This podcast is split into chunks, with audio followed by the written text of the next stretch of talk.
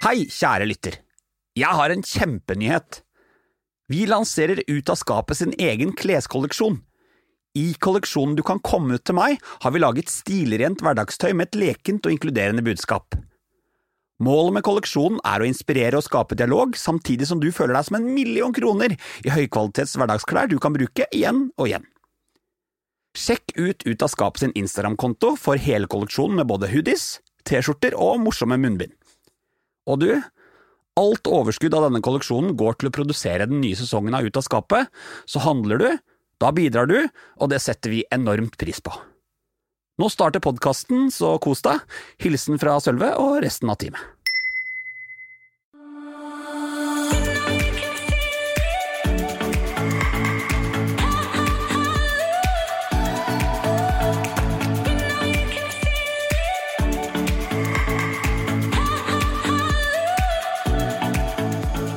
Hei, søta og kjekken. I dag treffer du Joakim Kleven i podkasten Ut av skapet. Når SFO ringte pappa og sa sånn Du tror ikke at Joakim skal leke litt mer med gutter og være litt mer med gutta? Liksom, for, For det gjorde jenter, da. SFO. Det gjorde SFO. Ringte opp faren min og sa, sa det. Og da var pappa sånn Vet du hva? Joakim skal leke med akkurat hvem han vil, og skal være akkurat den han vil være. Buff, og la på telefonen. Og det er sånn, det er jo de som har gjort at jeg kan tørre å være så sterk som man er i dag, håper jeg da. Men det har ikke vært så lett heller. Fordi at selv med en så robust og fin familie, så er det jo utfordringer man får ved at andre mennesker ikke aksepterer deg for den du er, da. Jeg ble først oppmerksom på Joakim da en fyr jeg datet, fanboyet Joakim hardt. Det tok meg ikke lang tid før jeg også lot meg fascinere av Joakims talent for å skape, engasjere og påvirke. I episoden snakker vi om sex, roller, det å være både maskulin og feminin, oppvekst, og ikke minst så sladrer vi litt. Nyt episoden, her går det unna.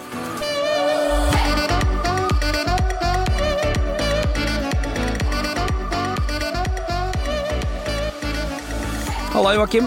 Hallo! Hvordan er livet som kreativ filmskaper om dagen? Eh, det, jeg elsker livet, minus at korona er jo skitt, for jeg har ikke lyst til å lage alt innhold via Zoom, liksom. For det blir dårlig kvalitet. Det blir dårlig kvalitet, og Ja. det er kjedelig TV.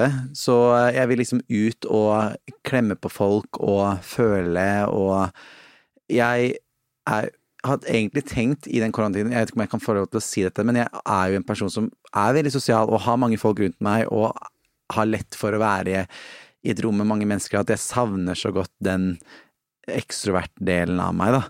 Så litt kjipt, men jeg at jeg lever av drømmen min, som jeg alltid drømte om å gjøre, nemlig å være en innholdsskaper og lage masse videoer. Det er jo drømmen. Så jeg er veldig heldig der. Men jeg lurer på dette. Jeg ble Mm. nemlig sittende og se på jeg, altså Hun har jo hatt et litt hardt år, Ellen DeGeneres. Mm. Ja, eh, har jo hatt røffe tider. Hun har jo nå starta ny sesong. Ja. Og det er jo sånn Altså la jeg merke at hun, hadde, hun har mistet mye seere i år. Ja, hun har det. Ja, Mm. mye. Og det, og så var det sånn mange kritiserte det, for det er den historien hun har vært gjennom. Men jeg tenkte det kan jo ha litt med kvaliteten på det som leveres òg. Det er ikke så gøy å se gjester intervjuet over Zoom. Nei, det er jo ikke det. Og Ja. ingen i studio som Woo! Ja. Jeg savner liksom Hvordan coper du med det korona og jobbe med film? Altså, Det- det kan jo- du lage det samme? Ja, men jeg tror sånn for eksempel, sånn helt ærlig, elsker å være med på bloggerne, er fantastisk, men jeg, der kjenner jeg at det, heldigvis engasjerer jeg meg veldig i det som skal skapes, men det er ekstra vanskelig å skape noe der, når, når liksom du skal portrettere et liv som akkurat egentlig ikke er så veldig spennende akkurat nå. Forstår du hva jeg mener med det? Så nå har jeg liksom endelig fått ræva i gir og flyttet, jeg gjør liksom litt ting liksom som skjer òg der da, men, øhm, men sånne konsepter, eh, og nå blir jeg sånn influencer eh, her, men Sånn som å drive med YouTube og gjøre alle de konseptene du kan selv gjøre, eller sammen med en venn. Som for eksempel nå, da, har vi gjør podkast, der å gjøre litt mer de tingene. Ja. Så man må bare prøve å tenke kreativt, og innholdsskapere må jo ha litt utfordringer, tenker jeg. Men det eneste som er skitt, er jo at jeg driver med den pornodokumentaren nå. Ja. Det er liksom Jeg kunne ønske at vi kunne fått reise i USA, som er liksom det vi trenger for å gjøre serien komplett. Så vi er sånn halvveis i serien nå. Ja. Eh, I denne podkasten kan vi sitte og bable og kose oss om Ja, ja. alt mulig rart, eh, men mest av alt så er vi her fordi at jeg har veldig lyst til å bli bedre kjent med deg. Ja, og jeg har bedre lyst til å bli eh, kjent Eller jeg har lyst til å bli bedre kjent med den skeive delen av deg. Skeive delen av meg. Eh, og eh, når jeg liksom kan du, eller, kan du beskrive hvordan du var som kid? Ehm, nå skal jeg si noe ekstremt upolitisk, ikke, ekstremt, men jeg digger meg selv som liten, holdt jeg på å si. Altså, det er sånn, jeg ser på den ungen og tenker du var iconic. Altså, jeg gikk jo rundt og var så flamboyant, brydde meg ikke noe om hva folk sa til meg. Jeg, eh, eller da jeg var liten, da, sånn kid, Uh, filmet meg selv med det håndholdte kameraet til pappa, lagde all slags mulig dramaserie med venninnene mine. Jeg trodde jeg var den mannlige Tyra Banks, jeg lagde Top Mall-parodier. Jeg var liksom all in. Og det er fordi at foreldrene mine lot meg være meg, rett og slett. Mm. Så um, en veldig fin barndom, og eh, glad for at jeg fikk lov til å være den jeg var, som nettopp var ekstremt teatralsk. Ja. Hvorfor har du litt hva skal jeg si, unike foreldre som lot deg holde på sånn? Helt fantastiske. Og det er sånn derre De eh, har alltid støttet meg til å være den jeg er, og holde på med det jeg vil drive med. De eh, Ja, altså, det var aldri spørsmål om at hvem jeg var som person. Og det er for eksempel sånn, mamma sa noe veldig flott, og det var jo at hun, og pappa da, men det var sånn, de snakka aldri om gutt eller jentekjæreste, de snakka om personen du forelsker deg i, og det var sånn, alle de tingene jeg ikke tenkte på som liten, har jo spilt faktor egentlig, da. Så eh, nei, de er fantastiske. Og pappa var sånn som ringte Når SFO ringte pappa sa sånn Du tror ikke at Joakim skal leke litt mer med gutter og være litt mer med gutta? Liksom, for For det gjorde jenter, da. SFO. Det gjorde SFO. Ringte opp faren min og sa, sa det. Og da var pappa sånn, vet du hva, Joakim skal leke med akkurat hvem han vil, og skal være akkurat den han vil være. Buff, og la på telefonen. Og det er sånn, det er jo de som har gjort at jeg kan tørre å være så sterk som man er i dag, håper jeg da. Men det har ikke vært så lett heller, fordi at selv med en så robust og fin familie, så er det jo utfordringer man får ved at andre mennesker ikke aksepterer deg for den du er, da. Ja, for man lever jo Mm. på en måte Man lever jo et liv med familien, men man lever jo et liv på utsiden også. Ja, ja, skolen virket jo ut som hele verden når du var liten, og det er ikke noe gøy da hvis du blir mobbet på skolen i ungdomsårene fordi at du er annerledes, der folk skal kalle deg jævla homo og skeiv og alt det fordi de vil såre deg. Det var jo det som var det verste, at de sa ting for å såre meg. Det er ikke at folk kalte meg homo som var så ille. Når var første gangen du kanskje kjente på at du var litt annerledes? Kan du liksom huske et sånt hvor du kjente at ok, her er det noe som er litt spesielt ved meg? Jeg tror nok alle mennesker kan føle at hvis du gjør noe som At en sånn følelse fra du var liten, når du for eksempel er litt vel dramatisk og putter på for eksempel en parykk på SFO eller whatever, eller at du liksom gjør noe som folk Du får en reaksjon fra voksne som er litt annerledes, at det, det du gjør nå er litt rart eller litt feil, da. Jeg kan ikke liksom huske et spesifikt øyeblikk, egentlig, bortsett fra at kanskje at jeg husker sånne ting med at hvis jeg elsket å danse på skolen da, foran eh, elevene med bestevenninna mi Sandra, og det er sånn folk liksom lo av det og sier men jeg elsket det, det, dansa til Britney Spears Stronger og var liksom helt Spice Girls og alt det, for jeg syntes det var gøy. Men jo litt eldre du blir som barn, til å bli liksom litt ungdom, det er da du kanskje føler veldig på at ofte er kanskje litt flaut, og du mister litt den fantasien, hvis man kan si det på den måten. Så eh, det er vel litt den tiden man kanskje bremser seg selv litt, da. Opplevde Dessverre. du at noen sa til deg at du var homo før du skjønte det sjøl? Ja, alle sa det til meg. Eller liksom var sånn Det jeg syns var så synd, da, var jo at det, jeg er jo 100 skeiv og veldig stolt av å være det, og elsker gutter, elsker liksom det seksuelle penis, jeg elsker liksom guttekropp, men mest av alt bare kjemien man har med en gutt, og det seksuelle og alt det der, da. Men jeg var jo, når jeg var barn, så visste jeg ikke at jeg var skeiv. Og det er fortsatt en reell følelse at jeg var nok ikke skeiv da, på en måte. Eller jeg er født skeiv uten å helt ha klart å funnet ut av det. Men alle følelser er reelle, og den følelsen jeg gikk rundt med da, er jo sånn det var. Nettopp at jeg ikke visste det. Jeg Mm, hadde, hadde ikke følt på det, og var ikke i en tid seksuelt der jeg kunne føle på det heller. Så um, nei, det er jo en reise. Ja, Mm. og det er en ganske sånn solid greie. Jeg synes, eh, jeg bet meg merke en ting nå som jeg Mm. var veldig glad for at du sa, Mm. og du sa når du nevnte det digge med å være homo, så er det veldig mange som altså homser, homser som har tendens til å snakke om bare seksuelle, men du sa den kjemien man har med en Mm, gutt. Og jeg tror det er så veldig mange som må forstå, for den kjenner jeg litt på Mm. også. Det handler ikke bare om at jeg syns pikk er digg. Nei, For mm. ja, det syns jeg. Selvfølgelig er det det. Det ja, ja. obviously, men det handler også en del om at jeg har en annen form for Mm. Kjemi med en gutt jeg har en relasjon til. Mm. Den kjemien får ikke jeg noe annet sted. riktig. Og det, jeg tror det er mange som glemmer at det er jo Det å være homo handler Mm. også om kjærlighet. Kjærlighet, og det er noen som er litt lik deg. Ja. En venn, liksom. En bestevenn. En du Ja. kan dele med, en du kan fortelle med. Så jeg bare syns det var godt å høre deg si det, for det har Ja, jeg ja. tenkt på noen ganger at det kan bli litt fort seksualisert. Og jeg er jo litt sånn, dessverre, kanskje òg litt sånn spøker mye med det seksuelle med seg, fordi jeg er en seksuell person av meg. Jeg, jeg runker, jeg puler, jeg koser meg, men det er ikke det som er alt med å være skeiv. Det er så veldig mye mer. Det er jo Det er jo som deg, da, som ser på, som å være hetero, bare vi er skeive. Mm. altså, tenk deg følelsen du føler hvis du er gutt og ser en jente og får liksom Det kribler litt i magen, og hun er så fin å henge med, og jeg blir glad i å være med hun. Det er det samme vi òg føler. Det er jo helt, helt, helt, helt likt. Så ja, man må ikke glemme det oppi det hele. Som, for vi skeive er flinke til å seksualisere mye. Ja, og mm. jeg, noen ganger så tror jeg nesten vi gjør det som en sånn forsvarsmekanisme Ja, ja. litt. Mm. For å Og så er det jo lett, hvis vi skeive kødder med sex, så blir det mye latter av det. Mm. Ja. Du får Mm. mye respons Riktig, på det. og det er gøy òg. Liksom, man er ikke bare enten-eller. Vi starta podden og kødda med liksom grinder og hookup og alt det. Det er meg, men også er meg den sårbare siden som trenger nærhet. Som eh, er en verse og topp, og så er jeg bare men, men det jeg egentlig mest av alt vil, er at etter at vi er ferdig å ha sex, så skal jeg være lilleskje. For jeg syns det er så digg å være lilleskje. Ikke sant? Det er masse.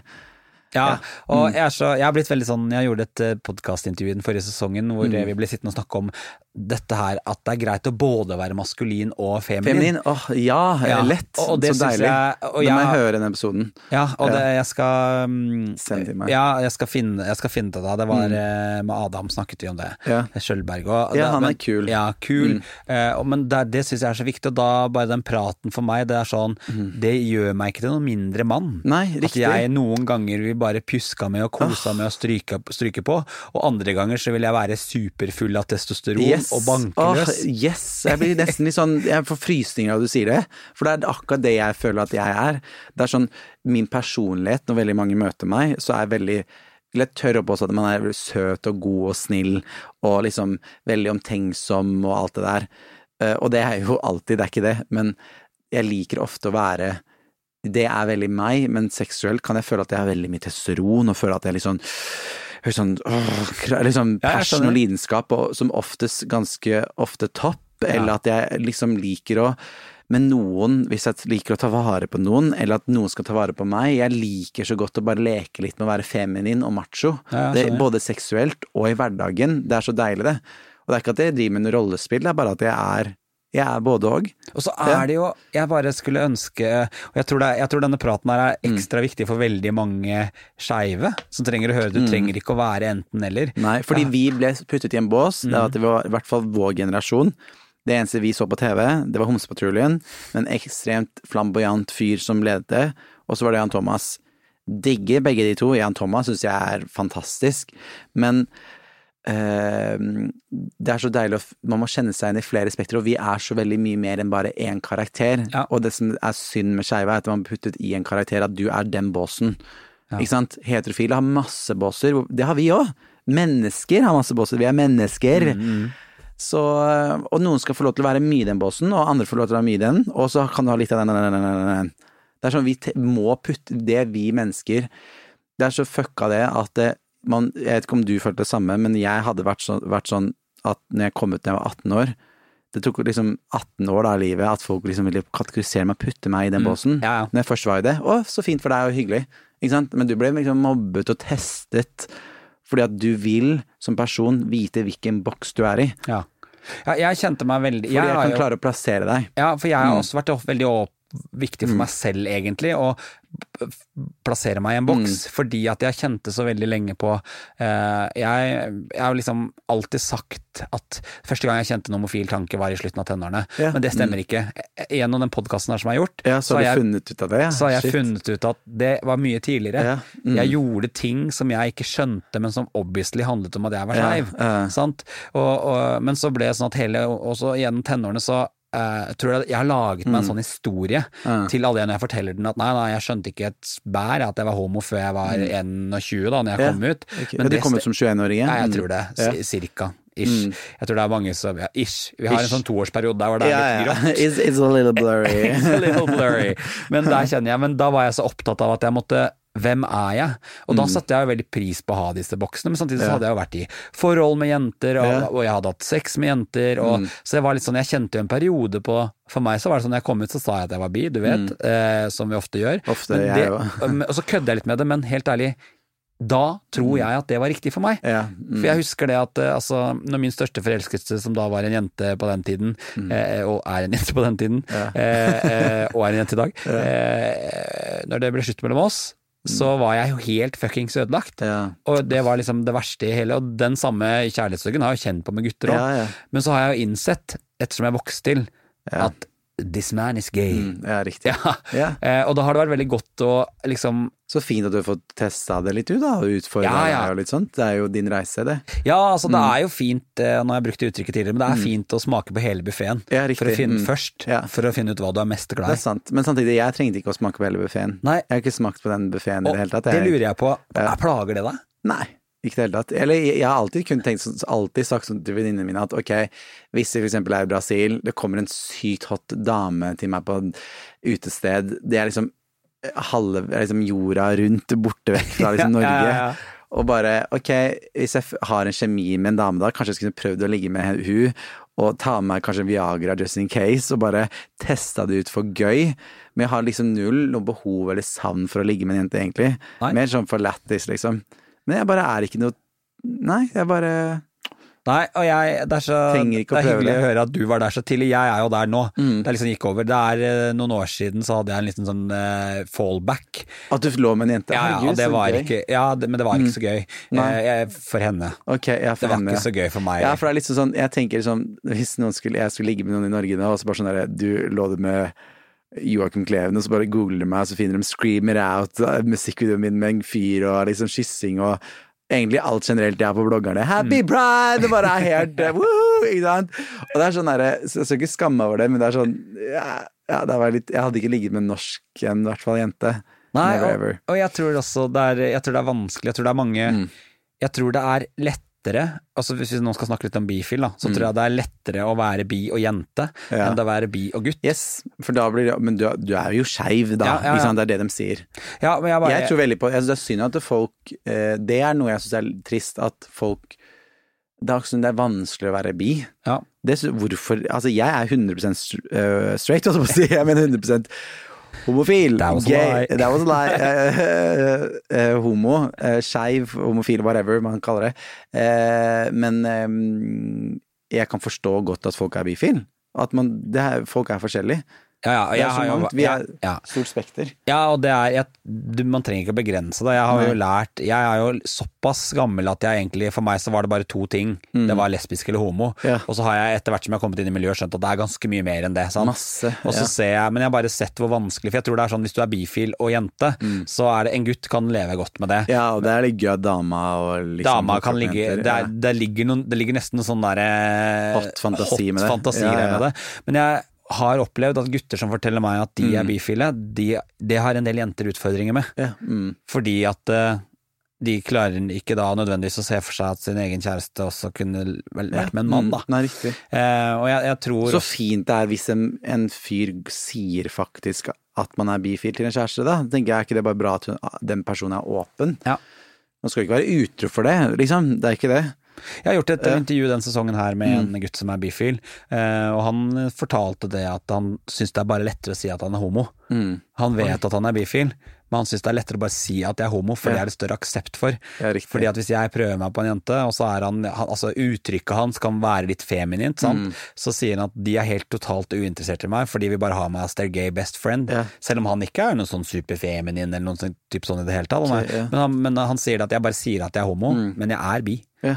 Men ja, jentene, de Det er ikke aktuelt, liksom. Nei. Så ja, så synd at han må det, men ja. Det, Ja, det er, en- du, deilig avsporing. Men Ja. du, fortell meg litt om ungdomstida. ungdomstiden eh, Jeg vil jo si at den har vært fin på mange områder, fordi jeg har en støttende og fin familie og fine venninner. Men ungdomsskolen likte jeg ikke så godt, fordi at det var liksom sånn Nå kategoriserer jeg det, men det var enten liksom de som var veldig spilte Wow og Fifa, på en måte, guttene, eller så var det de wannabe kule gangsterne, på en måte, på Lambertseter, som begge de kategoriene turte jo aldri å være med jenter. Nei. Mens jeg var den eneste som turte å være med jenter, og elsket å være med venninnene mine. Så alle jentene på Lambertseter var kjempefine, men noen av guttene var jo ikke noe hyggelig, liksom. Det var jo ikke sånn at det var dramatisk hver dag at det ble mobbet og sånn der. Det er sånn man skal portrettere det på film, og det er liksom superille hele tiden. Men det var episoder som var kjipe. Der folk liksom mobba meg fordi at jeg var annerledes, da. Og Har du noen type eksempler? det var jo liksom sånn Jeg husker at jeg ble mobba litt av kropp av en eller annen fyr som sa det sånn du eh, Som kalte meg homo, at jeg hadde dobbelthake som bestemora og sånne ting, ikke sant, og jentepupper og sånt. Da, som var jo forferdelig å høre det, i hvert fall når man er så superskjør i ungdomstiden. Ja, iallfall det i ungdomsskolen og litt starten av videregående, var det sånn, det var du må finne din plass. Ja. ikke sant? Det er i hvert fall, Apropos det å putte folk i boks, det er ungdomsskoletiden og videregående. Jeg hadde en veldig fin erfaring med Elbakken, og Lambertseter var liksom greit, men eh, jeg har flere eksempler på at jeg ja, bare sånn homse og litt Altså, ting sleng og sleng og dritt og går- ja. Ypping, kanskje, Da går mer. man jo veldig ofte rundt Ja. hele tiden med piggene ute. Riktig. For du går og venter på Altså hvis du er litt annerledes da, eller er Mm. skeiv og kanskje har begynt å skjønne det litt selv som man gjør i ungdomstiden, Yes, ja. så går man hele tiden og hører. Mm. Altså Det er utrolig hva man Ja. kan få med seg. Jeg, jeg er sikker på at i den perioden hvor jeg kom ut, så kunne jeg høre at noen sa at jeg kalte meg homo to kilometer Mm. Ja, du, du hørte det jo, det var sånn Du Det var sånn, det var akkurat som om det var sånn og, og, For du har den en gard, da. Du Ja. passer på deg selv, liksom, egentlig. Og så blir man litt sånn gæren av å gå rundt sånn. Mm. Ja, ja. Det er jo sykt slitsomt Mm. å gå rundt sånn hele tiden, men det er jo reality at Mm. det er mye sleng og kommentarer, og det er mye dritt, og alle disse småtingene og smådryppene og eh, småmobbingen og dyttingen, den gjør ganske vondt over ja, tid. selvfølgelig er det Og det er ikke noe gøy at du blir snakket om som om du er annerledes, som om du har gjort noe feil, eller at du er feil. Det er jo det som er dessverre trist med at folk er han skeiv eller ikke. Det, det, blir, det blir liksom bevisst eller ubevisst eh, liksom kategorisert som noe negativt, da. Det er det som ikke er noe gøy. Men det er ikke sånn at jeg gikk rundt og bare sånn er homo, er homo, er homo hele tiden. Men du blir jo litt det når du får de de liksom stikkene noen ganger, da. Er det noen som har kommet bort til deg i ettertid fra ungdomsskoletiden og sagt sånn Mm. 'sorry for being a bastard'? Har du opplevd det noen gang, eller andre situasjoner? Jeg hørte at de har sagt det til eh, broren min, Ja. eh, to-tre stykker, som sa det. At de var, angra på at de var litt slemme med meg på ungdomsskolen. Men jeg har aldri fått hørt det, nei. Nei. Mm. Nei, for det er eh, jeg, jeg har alltid tenkt på det. Altså, man har jo opp igjennom, også både som voksen og ungdom, gjort og sagt ting som er jævlig ufine, kanskje. Mm. Ja. Og, og det, det er sånn Alle har en sånn ting som noen sa til deg, det kan ha vært påpekt noe med kroppen til noen, som Ja. man fortsatt en dag i dag sliter med. Mm, ja. Og det er bare sånn, jeg skulle noen ganger, noen ganger skulle jeg ønske at jeg kanskje traff igjen et par av de menneskene som jeg har sagt ting til som var bare ja, si unnskyld, liksom. Si sorry. Mm. Ja, det, jeg- for jeg tenker var ikke at jeg var feilfri heller, nei. Jeg sa jo sikkert noen ting, jeg òg, men Ja. Mm. bare, jeg, jeg tror det, og i hvert fall hvis det sitter folk og hører på som vet at de kanskje på et eller annet tidspunkt har vært jævlig stygge med en skeiv, da, siden det er denne podkasten handler om, Mm. Ja. så skal du være klar over at den skeive husker nok det. mm, vel, Ja, veldig. Og jeg tror ikke du skal være redd for Og du er sterk om du sier unnskyld til ja, om det. Og du kommer garantert til å bli møtt på en god måte. Mm, ja. For det skeive har vært igjennom mye og har reflektert, så de bærer ikke nag lenger. Nei, riktig. Veldig jeg, fint sagt. Det var bra du fikk inn der. Ja. Er du enig? Mm, veldig enig. Mm. Du, jeg syns det det er digg å snakke litt om kjærlighet. Mm. Kan du huske første gangen du var sånn skikkelig forelska? Sånn vondt i magen forelska? Eller en sånn spesiell forelskelse? det, når du spurte meg om det Oi, sorry. Eh, når du spurte meg om det før podden, så tenkte jeg Jeg tror ikke jeg har sagt det før ever, men det var en hendelse det var sånn, som jeg tenkte på når jeg var voksen, tilbake i tid, at det var eh, ja, kort fortalt eh, hytte ved Evenes flyplass. Eh, Bestefaren min har det, og eh, bestemoren min.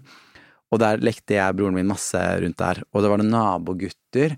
Så husker jeg sånn han, eh, Det var to stykker, og de to lekte vi med en kveld og en dag, da. Eller liksom hele den dagen. Og han ene var et par år eldre enn meg, og han liksom på en måte tok litt vare på oss og var liksom litt sånn derre En litt sånn mannsfigur Ja, ja. fra at jeg var åtte og han var kanskje elleve-tolv. Og jeg husker så godt at jeg lå den natta og drømte om han, ikke noe sånn seksuelt eller noe som helst, bare at jeg synes liksom han ga meg en sånn god følelse i kroppen, da. En sånn derre mm, Han kunne godt klemt meg litt, på en måte. Klemming. Holde litt lenger. Holde litt lenger, ja, riktig. Og det er, sånn, det er sånne ting jeg har tenkt på etter at ja, det var jo tegn på at man var skeiv, da. Men det er ikke noe man liksom reflekterer, for man glemmer det fort også. Men å kjenne skikkelig sommerfugler i magen og så videre, er at det Jeg har nok kjent Det er veldig mye sånn seksuelt, da. At man kanskje har, husker jeg jo Man utvikler jo kåtskap oppi ja, dette. på videregående. Han ene som skulle hjelpe meg å lære å ta pushups og bli litt sterkere, for han var kjempetrent. Han gjorde det alene med meg i guttegarderoben. Det er så flaut om han hadde hørt det òg. Ja. Og jeg, ble, jeg husker jeg var sånn altså Jeg holdt nesten på å si meg, ble så klam i hendene. Han var så kjekk og pen òg. Hadde sånn veldig fin brystkasse og var liksom var godt trent og han er sjekker på skolen. da Skulle liksom lære meg det, for jeg hadde litt lyst til å få det litt, jeg òg, da. Så jeg husker bare, da var jeg helt sånn Jeg holdt på å svime av, liksom. Det var en gang jeg var, var sånn uff. Men, men, men en ting jeg syns er litt trist, eller ikke trist, men jeg har nok ikke Det er ikke ofte, det er svært sjelden jeg føler Oh my god, jeg liksom Fy faen, du vil jeg ha, liksom. Du er sånn åh, den derre kjempeforelskelsen. Altså når folk bare Det går helt rundt for de, liksom. Ja, jeg syns når folk liksom portretterer det på film, eller skriver om det i bøker, og den derre psykoforelskelsen, på en måte, den vet jeg nesten ikke helt om jeg ordentlig har følt på noe særlig, for å være helt ærlig. Jeg bare mm, Nei. Heller det å bygge opp tillit og tid med noen over lengre tid, da.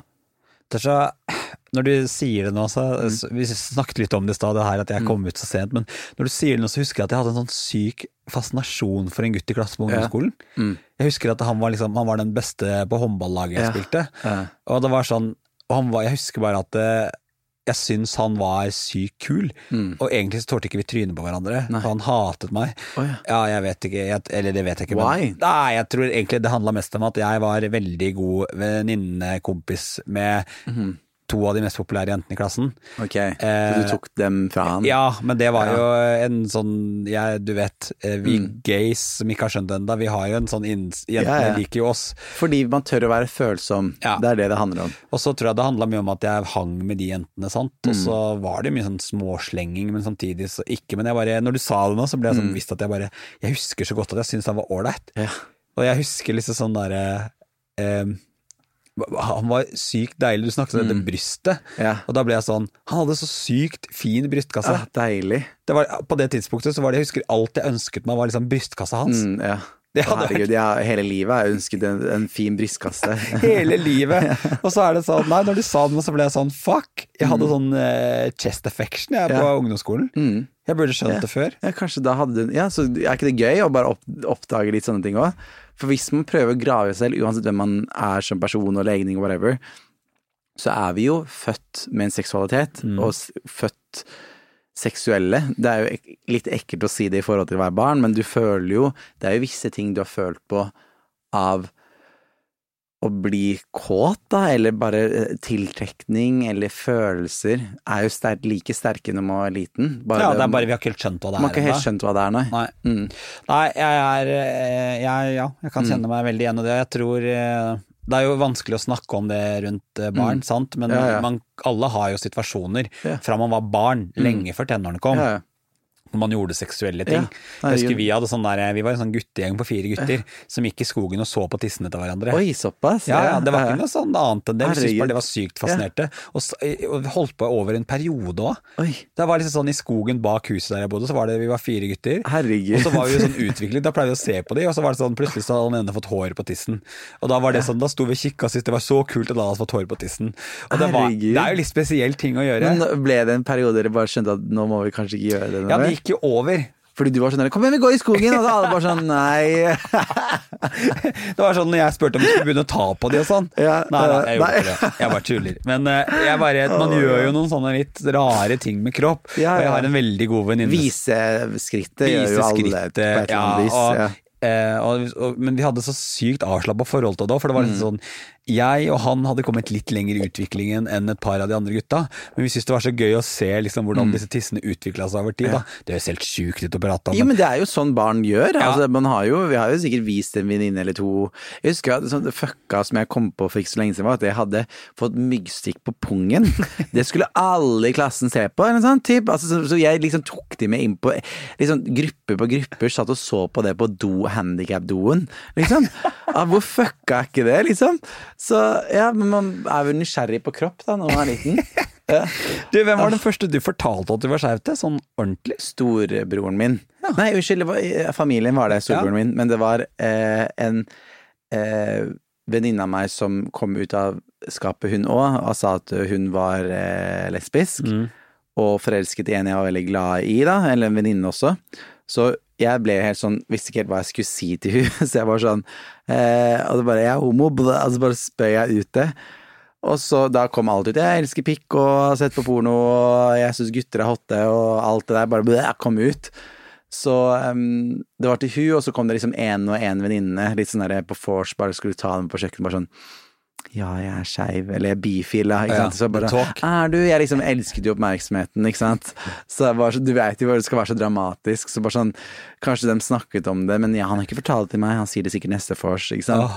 Ja, så jeg måtte jo lage en scene av det, da. Herregud, jeg er dramatisk av meg. Altså, Jeg elsker at du står så godt i Mm. At du er litt dramatisk. Ja, ja, herregud. 100 jeg, jeg, kan nesten, jeg kan bare se for meg hele situasjonen hvor du bare liksom Venninne etter venninne kommer inn på kjøkkenet og så bare sånn Nå skal vi fortelle det som dere vet. Ja, mitt spirit animal er jo Linn Skåber i Hjerte til hjerte.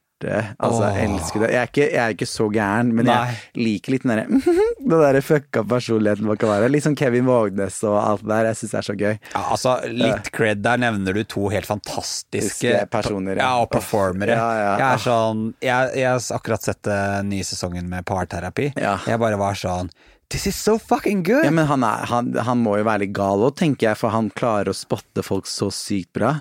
Ja. Ja, det, er, det, er, det er så gøy å se Det er Jeg syns det er sykt gøy å se at han har funnet sin greie. Mm. ja, ja, han er jo et, han er jo et eh, Hva er, det? Geni? Ja, ja. Humorgeni. Et, et geni, og jeg bare jeg, Det ligger så mye bak det å gjøre det så på kornet. Ja, jeg syns det var veldig bra. Linn Skåber er jo en eh, legende. Ja, elsker hun. Herregud. Jeg vet du fortalte De aller fleste forteller det til venner først. Mm. Var du sånn at du fortalte det hjemme først? Nei, det var først venn, et par venninner Ja, ja. og sånt på vors, og så fortalte jeg det til Fordi jeg tenkte alltid eh, det, liksom det halvåret liksom jeg gikk og fortalte til folk og sånn, så var det sånn venninner og sånn, kan jeg liksom fortelle det til? Men når jeg begynner å fortelle til familie, og spesielt av en eller annen grunn mamma Hvis jeg forteller til mamma, så har jeg liksom, da har jeg bestemt meg. Da har liksom, jeg sa bifil òg, da, så klart, men bare da har jeg liksom bestemt meg at jeg er litt annerledes. Da har jeg bestemt meg at jeg går i den retningen. Så da jeg fortalte det til mamma, så begynte jeg å hylgrine, og mamma gråt òg, og liksom så klart Det var null problem at jeg var det, og så glad i meg og stolt at jeg turte å si det og alt det. Hvordan var det, hvordan takla du det? Altså, Var du fornøyd med altså, Eller Responsen? Takk, Fikk du ja. den responsen du håpa Ja, på? ja, all, altså, det er ingen som har hatt noe imot at jeg har vært skeiv. Ingen. Tror du ingen. at det har noe med hvordan uttrykket ditt har vært? At du på en måte har vært litt Mm. eh, ekstrovert, flamboyant, Ja. så feminin eh, i litt hermetegn? Tror du det har gjort det lettere for de å forstå det? Ja, jeg tror nok det. Jeg tror nok mamma og pappa har nok Mamma skrev så sykt fin innlegg for noen år siden, det var pride, eh, om det der med at man når du er født med en Eller har en skeiv sønn, da, så er det jo mye du blir testet ut som foreldre i den prosessen, da. Og hvis du da tenker fra tidlig alder at han er nok kanskje skeiv, fordi der var det flere bokser, da, hvis man skal sjekke de der boksene man tenker at noen Ja. er det, og putte folk i, så er, passer han i flere av de. Ja. Så um, Men jeg tror nok kanskje som foreldre så er det nok sikkert litt ehm, Kommer nok som et sjokk hvis noen er helt veldig typisk straight gutt, da, og så kommer ut til foreldrene. Så kan jeg skjønne at det kan være litt sånn Oi, det var liksom helt uventet å høre det. Det var det jo ikke her, da. Den ventet vel kanskje bare på tiden jeg skulle tørre å gjøre det. Og jeg er glad for at mamma og pappa lot meg gjøre det selv. At det ikke var noe jeg følte noe press på det. For jeg husker det var en gang liksom på videregående, starten av videregående, jeg skulle finne liksom Du skal finne en ny identitet, du skal eh, liksom tilpasse deg den nye skolen du går på, på Elvebakken. Og hun var jo fin venninne av meg, herregud, det er ikke det. Men hun liksom kom trillende bort til meg med den derre kontorstolen sin og bare sånn sånn derre Jeg må bare spørre, er du homo? Ja. Og da var 16 år og bare sånn Husker så godt det derre Du føler at du blir tatt i en løgndetektor og det Ja. sjokket, på en måte. Så jeg bare sånn Nei, jeg er ikke skeiv, nei! Han ler sånn stressa. Og bare ok, bare for folk lurer på det, sier hun da. Hun var jo superdirekte. Ja. Elsker hun litt for det. Men det er liksom Du må få lov til å føle litt på det selv, altså. Ja, og og si det. Jeg syns det er så fint du sier det, for det er kjempeviktig. Hvis du Mm. har Hvis du har et barn som du Ja. Mm. lurer på om kanskje er skeivt, eller du har en venn som du lurer på er skeiv, eh, og så er det mest sannsynlig sånn at du har rett i at de ønsker å finne ut av det. Det er ikke, ofte så kan det hende at du har rett òg, men da kan det kanskje holde å si som By the way, hvis du er skeiv, så er det greit, Mm. Ja. og ikke prate mer om det. Riktig. Ikke bare spytt i trynet på dem, for at eh, man står gjerne, spesielt i den fasen, de årene rundt man, idet man kommer ut, så er man så høysensitiv. Mm. Ja, ja. Det gjør vondt. Ofte så dytter det deg bare inn i skapet, Ja. Mm. og så lager man seg en løgn, sånn som du. ikke sant? Nei, nå har jeg sagt til hun at jeg er hetero. Ja, ja. Da må jeg jo spille på den enda litt lenger. Enda mer riktig. Ja, det var bra sagt. For at det du på en måte går lenger inn i skapet, da. Ja, du gjør det sånn at det du gjør ved å konfrontere en skeiv, eller en som du tror er skeiv, og som kanskje faktisk er det, ved å konfrontere de, så dytter du de bare noen Riktig. ekstra uker inn i skapet, tenker jeg. Mm, eller Så- måneder, eller, Eller år. måneder eller år, ja. Mm. Så det er jo lov å dryppe noen sånne Eller kanskje du bare kan si sånn Åh, jeg syns det er så digg med homser, ja. Ja. Kan du si. Og så snakker vi ikke mer om det. Riktig. Ja, eller bare si for eksempel hvis du ser noe på TV, og du, du, hvis du tenker at noen er skeiv, da, og bare sånn derre Å, han virker som en fin person. Vet du hva, å være hva enn du er, og skeiv eller straight, det er fint. At du, sånne drypp du går, men ikke noe rundt deg veldig spesifikt sånn stille deg til veggs. Det er vel kanskje litt ubehagelig. Ja. Ja, jeg er helt enig. Du, i denne episoden, og vi har allerede snakket litt om det, Ja. så har jeg lyst til å snakke med deg om noe som jeg vet engasjerer både deg og meg veldig mye. Ja. Eh, og for to år siden så åpna du deg ganske ærlig og brutalt opp Veldig. om ditt eget forhold til kropp. Ja. Og det var også da jeg eh, virkelig la merke til deg. Det er sånn, fordi at det syns jeg var det er et av mine sånn, favoritt-ektefølte Å, moments. takk. Eh, Det er fint å høre. ja, og du snakket Mm. veldig mye om selvfølelse og det presset man kjenner på som gutt. Mm. Fortell meg litt hvorfor du liksom følte for å dele, dele det. Jeg følte for å dele det fordi at det var en sånn stor sånn bølge rundt eh, kroppspressdebatten, men rundt jenter, som er fantastisk. Det er kjempebra at eh, jenter er veldig sterke og tar opp den kampen, og det har gjort veldig mye bra der, og hvordan man påvirker og alt det, men det snakkes så utrolig lite om hvordan vi gutter blir påvirket, hvor ekstremt stort det kroppsidealet vi har skal være. Apropos den der liksom brystkassa vi har drømt om å ha hele tiden, som jeg aldri har fått. Men jeg har prøvd å trene bryst så sykt mye. Sixpacken, monsterpenis, eh, pornokuken, eh, spretten rumpe og alt det. At liksom, det er jo et evig jag, og noen ganger så vil jeg faktisk tørre påstå at det er noen ganger litt verre for gutter òg, for det er ekstremt sånn trening og sånn, sånn hulkete macho-hunkekropp man skal ha, da. For det er det Eller man snakker eh, Det er bra at jenter er kritiske til måten man snakker om jentekroppen på, men da må òg jenter, og gutter, men spesielt òg jenter, være kritiske til hvordan de snakker om dem de dater om. Ja. Penisstørrelser til eh, hvordan kroppen er, osv. Det er viktig å snakke om det. Altså, Mm. jeg må jo dette kan være en upopulær mening, Det- men jeg skal følge opp på det du sier der. Jeg tør å påstå at kroppspresset på gutter er større enn det er på jenter. Mm. Ja, men jeg tror òg til tider det er det, ja. For jeg, men jeg er litt redd for å si det. For men det er større ja. fordi det snakkes ikke så mye om heller. Nei. Derfor er det også større. Fordi, ja. Ja, og så er det noe med det at det jeg opplever, at jenter der er det flere typer kropper man kan Ja. passe med. Skjønner du hva jeg mener? Ja. Man kan være den typen, man kan være den typen, man kan være den typen. Og eh, sånn rent seksuelt så er det mange gutter som har litt forskjellige preferanser. Nå kan det hende at dette er litt unikt for meg som er homo, eh, men jeg opplever at de guttene jeg eh, Altså, mange gutter har en sånn Det er den eh, sportsmodel-kroppen som gjelder. Det skal være smal midje, det skal være sixpack eller i hvert fall litt synlig mage, det skal være stor brystkasse, det skal være sterke armer, og det skal i det minste være en spretten rumpe. Ja, Og hvis du ikke har det, Ja. hvis du er litt brei, eller litt brei rundt hoftene, smalere på toppen, eller har framskutt hode, eller hva pokker det er, ja. så passer du ikke inn. Nei, riktig. Og, utseendet utseende og ansiktet òg. Altså det er som Alt skal liksom være helt perfekt, da. Ja, ja, altså dette her, hva kaller de dette, jawline? Ja, jawline. Mm. Du, ja, tyggeball for Ja. det fins jo. Reklame for det. Jeg fikk det på Instagram. Ja, fikk du ja Jeg har fått det opp på Instagram. Det er jo sjukt. Og en app som heter Manly, Ja. der du kan putte inn sixpack og brystkasse på bildene dine. Det er helt fucka. Og det er ikke sånn at det, det er så viktig for meg å si at selv om jeg åpner om det jeg, Du må eie den kroppen du har, om du er en trent person som har liksom sånn det litt idealkroppen. Du må bare eie det og ha det. Eller Ja. om du er kraftig, eller om du er tynn, eller hva, om du er eh, om du er en firkant, whatever, liksom. Det er bare at det, det er så viktig å snakke om at det finnes så mange forskjellige kropper, og at eh, man må ikke føle noe skam over å være det ene eller det andre.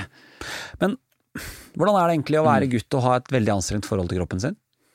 Det er jo jeg, Det er så viktig for meg å si at jeg har det veldig mye bedre nå i dag, men jeg har det ikke Jeg er ikke helt i mål. Jeg kommer kanskje dessverre aldri til å bli det helt, men jeg har følt meg mye mer sterkere og sexy av å dele det, fordi det var så sårbart, og det er veldig mange gutter som kjenner seg igjen i det. Og det er det som er så viktig med åpenhet, som er en så utrolig typisk ting å si rundt åpenhet. Men jo mer folk som åpner Hvis en person åpner seg rundt noe, så er det liksom er det en slags sånn pyramide, så åpner ti andre seg, så åpner de ti andre seg til de ti andre, og så bare eksploderer det med at åpenhet At du ikke føler deg så unormal, da. Apropos det å komme ut av skapet med podkasten din, Ja, ja. med kroppen din, eh, hvordan det er med kropp, og, og man sliter med angst og nerver og hva enn det er. Åpenhet er så sinnssykt viktig. Og det som var både trist og fint, er jo at denne historien min er jo ikke noe unik. Nei. Det er dessverre veldig mange som kjenner seg igjen i historien, men desto bedre er at man da kan snakke om det og ikke ville være alene. Ja. Ja, og så er det Mm. eh, Jeg tror det er mange som må forstå at hvis man har et eh, forst, Og alle har nok noe de er misfornøyd med med kroppen Mm. Sin, og noen i større eller mindre grad, og noen i veldig stor grad. Og hvis man har et litt forstyrret kroppsbilde, Mm. eh, så er det viktig å forstå at man lærer, blir nesten aldri kvitt det. Man bare lærer seg litt å leve med det. Veldig riktig sagt, ja. Og det er jo sånn der, men det som var så viktig for meg å si, var at jeg, sleit jo med spiseforstyrrelse og var altfor tynn da jeg var 19 år. Veide vel 55 kilo og er 1,85 høy, og, eller 84. Eh, og gikk opp igjen til å være 85 kilo. Men da var det at det, ok, typiske man ser er det og du er tynn eller kraftig, så går du ned og så er du vellykka det etterbildet. Mitt etterbilde var heller ikke jeg noe fornøyd med. Jeg følte at det, selv om jeg var helt normal og fin, jeg vet det innerst inne, så føler jeg meg tjukk. Ja. Og det er sånn, jeg tror veldig mange føler på det, at du er i du, liksom Du blir aldri helt fornøyd med kroppen.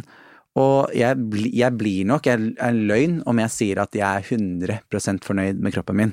Jeg kunne ønske jeg var Hadde jeg kunnet fått det, så vil jeg jo så klart ha Hadde den det vært en pille du kunne tatt, hadde ja, du tatt den. jeg vil jo så, jeg vil ha den supertrente brystkassa, for eksempel. Fordi jeg har alltid slitt med at jeg Eller ikke slitt, jeg har helt normalt bryst, men jeg har litt fett på eh, puppene mine. Jeg kan jiggle dem litt, grann, som er helt fint og normalt. Jeg veit det, du må bare eie å ha det, men jeg har slitt litt med det. Mm. Og det kan jeg ikke bli helt kvitt.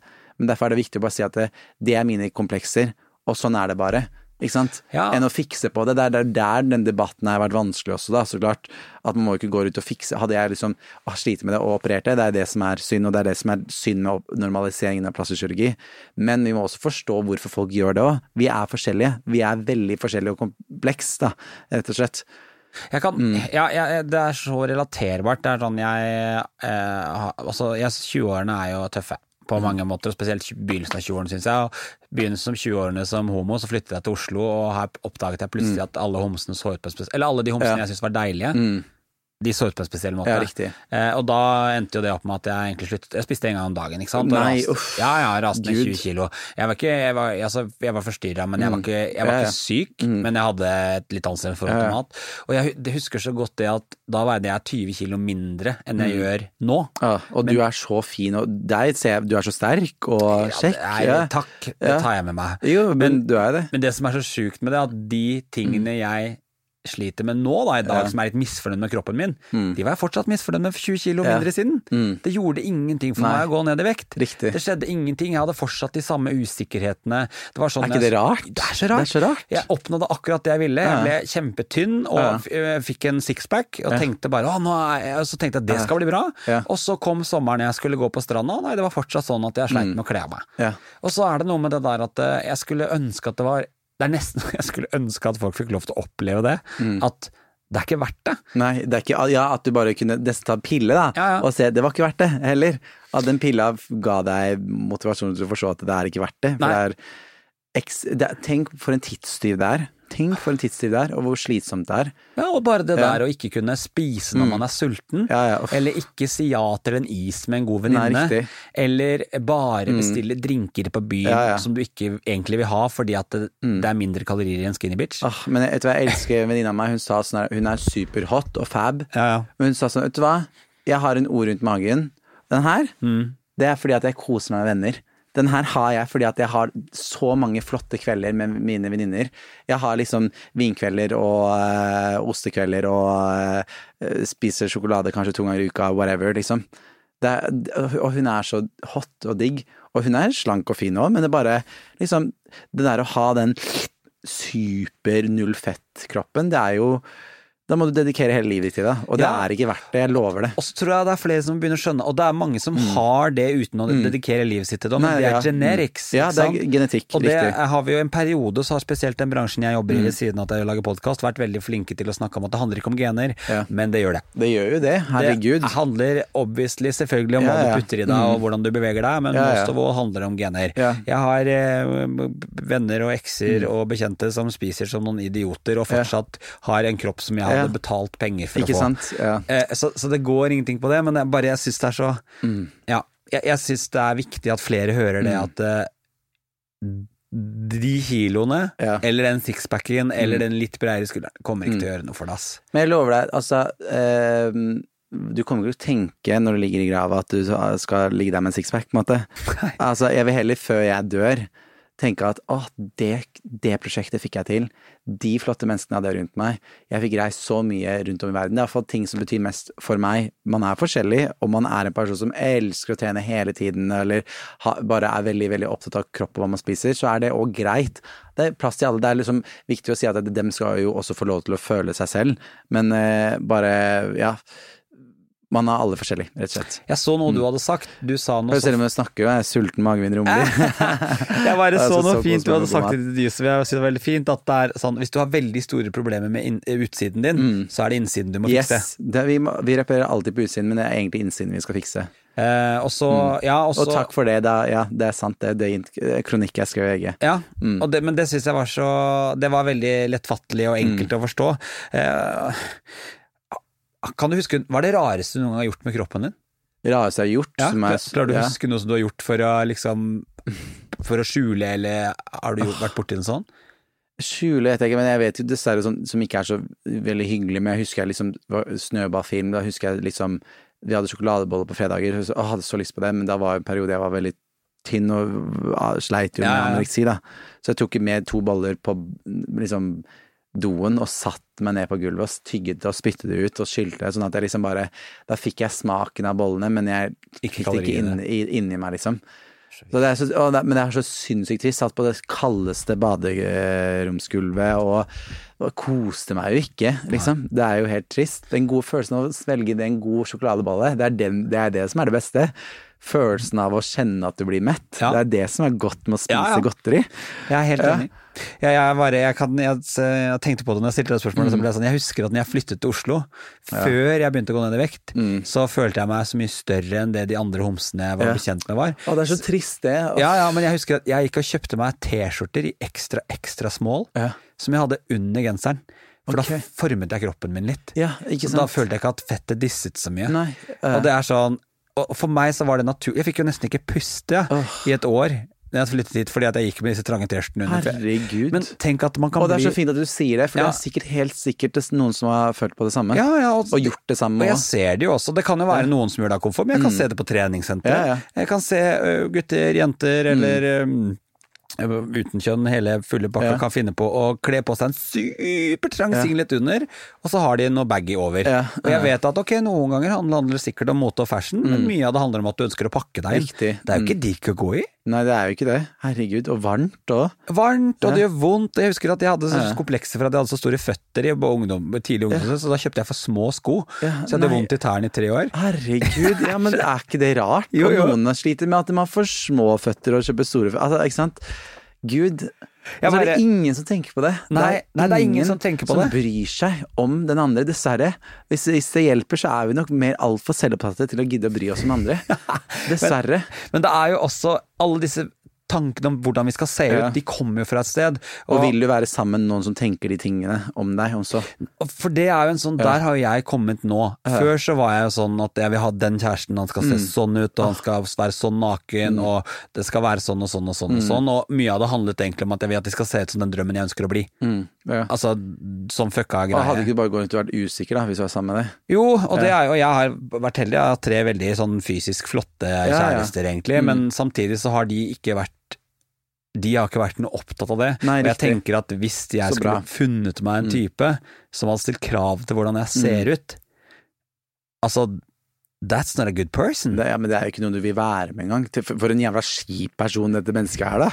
Det er du som ikke vil være sammen med han, for han er en jævla fuckings taper. Ja, det... det- er det jeg tenker da. Ja, og kan du noen gang ha Ja. Det blir sånn, du har sett Bridget Jones? Ja, ja, altså, elsk. tenk, du, Den typiske, den første scenen, den første filmen hvor hun driver og skal ha sex med drømmemannen sin, Ja. så står hun med sånn laken over seg og liksom dekker seg til når hun skal kle av seg. Så er det sånn, ja det kan vi kødde med, men jeg tror det er mange som har det sånn.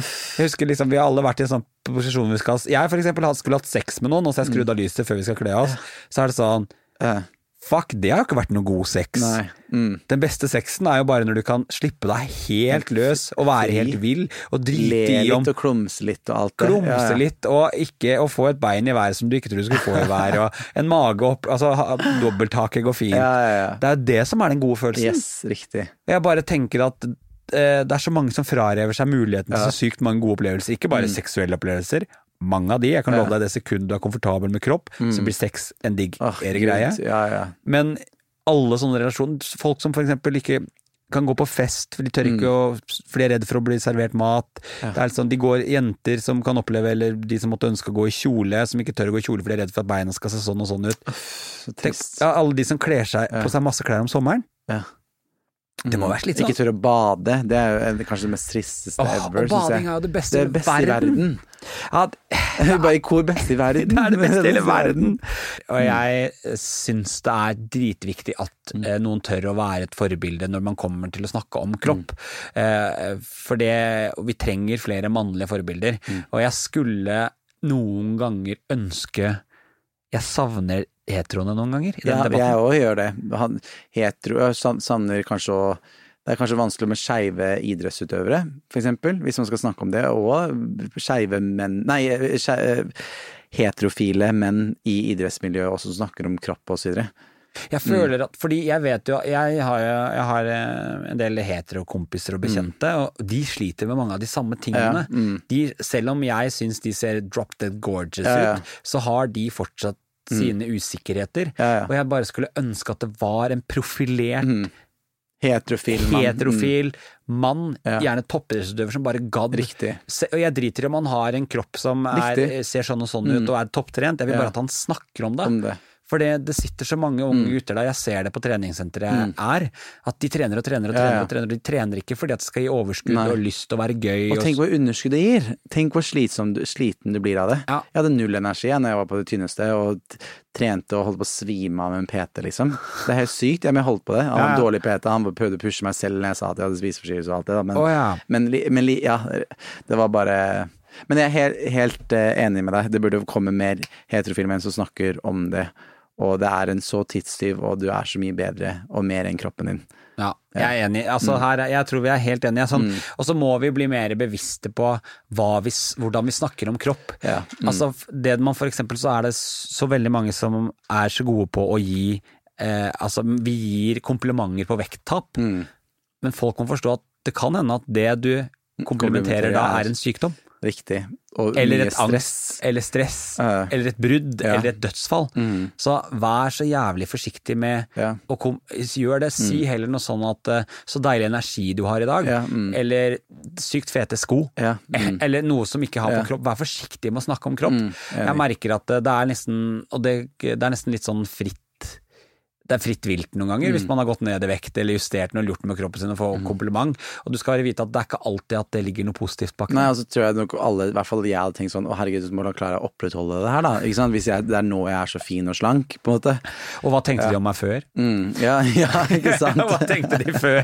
Og så er det noe med det, vi må huske på hva vi sier. Jeg la merke til en ting som jeg har irritert meg over nå. Det har gått en sånn liten penisstørrelsediskusjon i det siste. Har du fått med deg den? Ja, det var det, var det der. Ja, det var en podkast hvor Ja. de hang ut en eh, offentlig profil ikke sant? Uh, på penisstørrelse. Det så- det var to jenter som snakka drit. Å herregud, det er, vet du hva, jeg blir sånt Det er så dust å gjøre det. Det er helt latterlig. Og, og, og det på Men vi må på- kjempe for kvinnekampen, men hva faen er det dere holder på med å gjøre da? Med menn da? Ja. Altså, det er jo ikke noe bra det i det hele tatt. Nei, og så ble jo det selvfølgelig det de også burde være klar over, Mm. at når to så store profiler velger å diskutere dette, så Fordi blir de ler, det er to reality-deltakere Ja, ja. som snakker om en annen reality reality-deltakere penis. som da de mener har liten penis. Ja. Og så det som skjer er at De må da også være så klar over sitt ansvar at når de snakker om det, så kommer media til å plukke det opp. Mm. Ja. Mm. Og nå sitter det en hel haug av gutter i Norge som er blitt selv kjempebevisste på penisen sin. Og jeg bare og, og, Eller hva med han nå, da, som mest sannsynlig sikkert ikke har det engang? Han har sikkert en helt kjempefin og flott og deilig penis. Ja. Jeg tror jeg vet hvem det er òg. Han er ganske kjekk Ja, og altså, fin. du og kan, du kan velge mellom oss. Ja, ja, men, men ja, bare begge to. Er. Eller helst. Helst begge. Ja, men eh, og det er, det er så det er så dumt, rett og slett. Og det er så, så veldig sårbart å snakke om penisstørrelsen til noen også, for det er liksom fordi der ligger så mye følelser Ja. i penisen din, liksom. Vi har, det, orgasmen og alt. Altså, det er så fucka at eh, jeg skal ikke sitte og si liksom lengden og størrelsen på penisen min, men altså, gjennomsnittet er jo eh, eh, Hva skal man si, ikke bare, men det er jo 13,6. Altså, jeg, Ja. det jo, eller, nei, eller to, eller hva den for noe er. Jeg er jo større enn det gjennomsnittet. Uh, men liksom, ved det der med I'm a grower, not a shower det, Altså, jeg, mine, jeg må liksom helikoptre min penis ganske til å bli ganske mye større, men når den er erigert, er jeg ganske fornøyd, må jeg si. ja, ja. Men det er sånn derre uh, men det, sånn, peniser går jo opp og ned i størrelse hele tiden. Altså, Jesus Christ.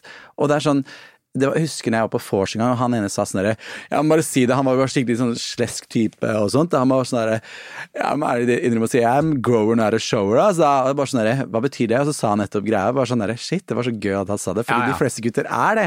Eller pen... Og, og, altså, så, å, jeg blir så irritert når folk sitter og snakker sånn i en podkast om det. Faen Ja. for noen to ræva forbilder. Ja, det er det mener jeg òg. Mm. To ræva forbilder, og for en ræva håndtering av de som står bak det. Da har jeg sagt det, og håper de hører det. Eh, Ja, hvordan håndterte de det, da? Nei, det. Nei, riktig. For Silent den bare. Ja, herregud. Så, og Så det etterlater du med at en person får det ryktet på seg, Ja. da? Ja. Og, og det er og, oh, ja, Mm. Jeg, jeg syns det er super Jeg synes det er superproblematisk. Og så er det sånn Jeg merker at jeg har et sånn Det som er så sykt digg, da, det er at penisen min Mm. er på en måte det, en av de tingene på kroppen jeg har et Den kan jeg ikke endre på. Nei, du kan jo ikke det. Så den har jeg så avslappa forhold til. ja, ja. Den iris hvor iris. Ja. Og det er sånn der, og det syns jeg er så digg. Det er kanskje den ene Mm. tingen på kroppen jeg vet at den kan vi ikke Den kan ikke strekkes eller fikses. Eller, Ja, ja. Det er sånn, Den fikk jeg, den må jeg stå i. Alt annet kan jeg justere på, så det har jeg gode og dårlige dager Ja, ja. på. Penis er Mm. penis. Men tenk hvor mange som går ut og tror de har liksom egentlig har en helt normal og fin penis, men tenker da at den må bli større. Ja. Fordi at de tenker at det ikke er så stort, fordi det er, det er et sånt stigma rundt det. Bare, jeg tror også Når ofte gutter snakker om penis, også, så er det flaut å snakke om det, fordi de er redd for at de skal liksom bli catchet i en viss størrelse den er, osv. Nei, vet du hva, at de jentene har snakket om det, det er trist, rett og slett. Og jeg håper bare at andre jenter er flinke på at man skal bare eh, eie den penisen til kjæresten eller den du holder på For tenk hvis folk har snakka sånn om din eh, vagina, da. Ja, ja. Det er ikke noe gøy, det. Nei, altså ikke, ikke sladre, og ikke gjør det på bakrommet heller. La det bare være. Mm. På lik linje som alt annet, ikke snakk om kropp. Ja. Det er sånn, da skal du Nei, bare ikke gjør det. Herregud, jeg elsker at vi kan få inn litt penisprat. ja, ja, herregud. Og penis er fantastisk, uansett hva slags penis Er Er det én ting vi er helt Ja. sikre på at vi liker? Ah, penis. Penis! Ja, ja. Du, på slutten av denne podkasten så pleier jeg alltid Mm. å spørre de deilige folka som er med, om de har et godt Litt sånn skeivt råd, kanskje, som kan, råd, som kan gjøre verden litt mer sånn inkluderende. Inkluderende. Eh, har du en ting som du liksom har lyst til å avslutte denne podkasten med, som kan være sånn take home message? Åh, det, det der var veldig stort spørsmål. Jeg vet ikke. Hva, hva er ditt tips, da? Mitt tips Ja. Akkurat nå kunne det vært så enkelt slutt å snakke om penisene til folk. ja men Men eh, Ja. jeg vet ikke. Jeg, for meg så kan det være, være Det kan være så mye. Mm. Jeg tenker at Um, Ut ifra den praten vi har hatt her i dag, så kanskje du har gitt eh, det beste rådet allerede.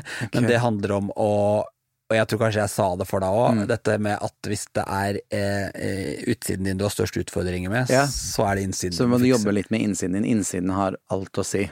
Ja, uroen du går rundt med, alt hva enn det er. Du, på, du fikser jo på det ytre, for det er det som er lett å fikse på utsiden.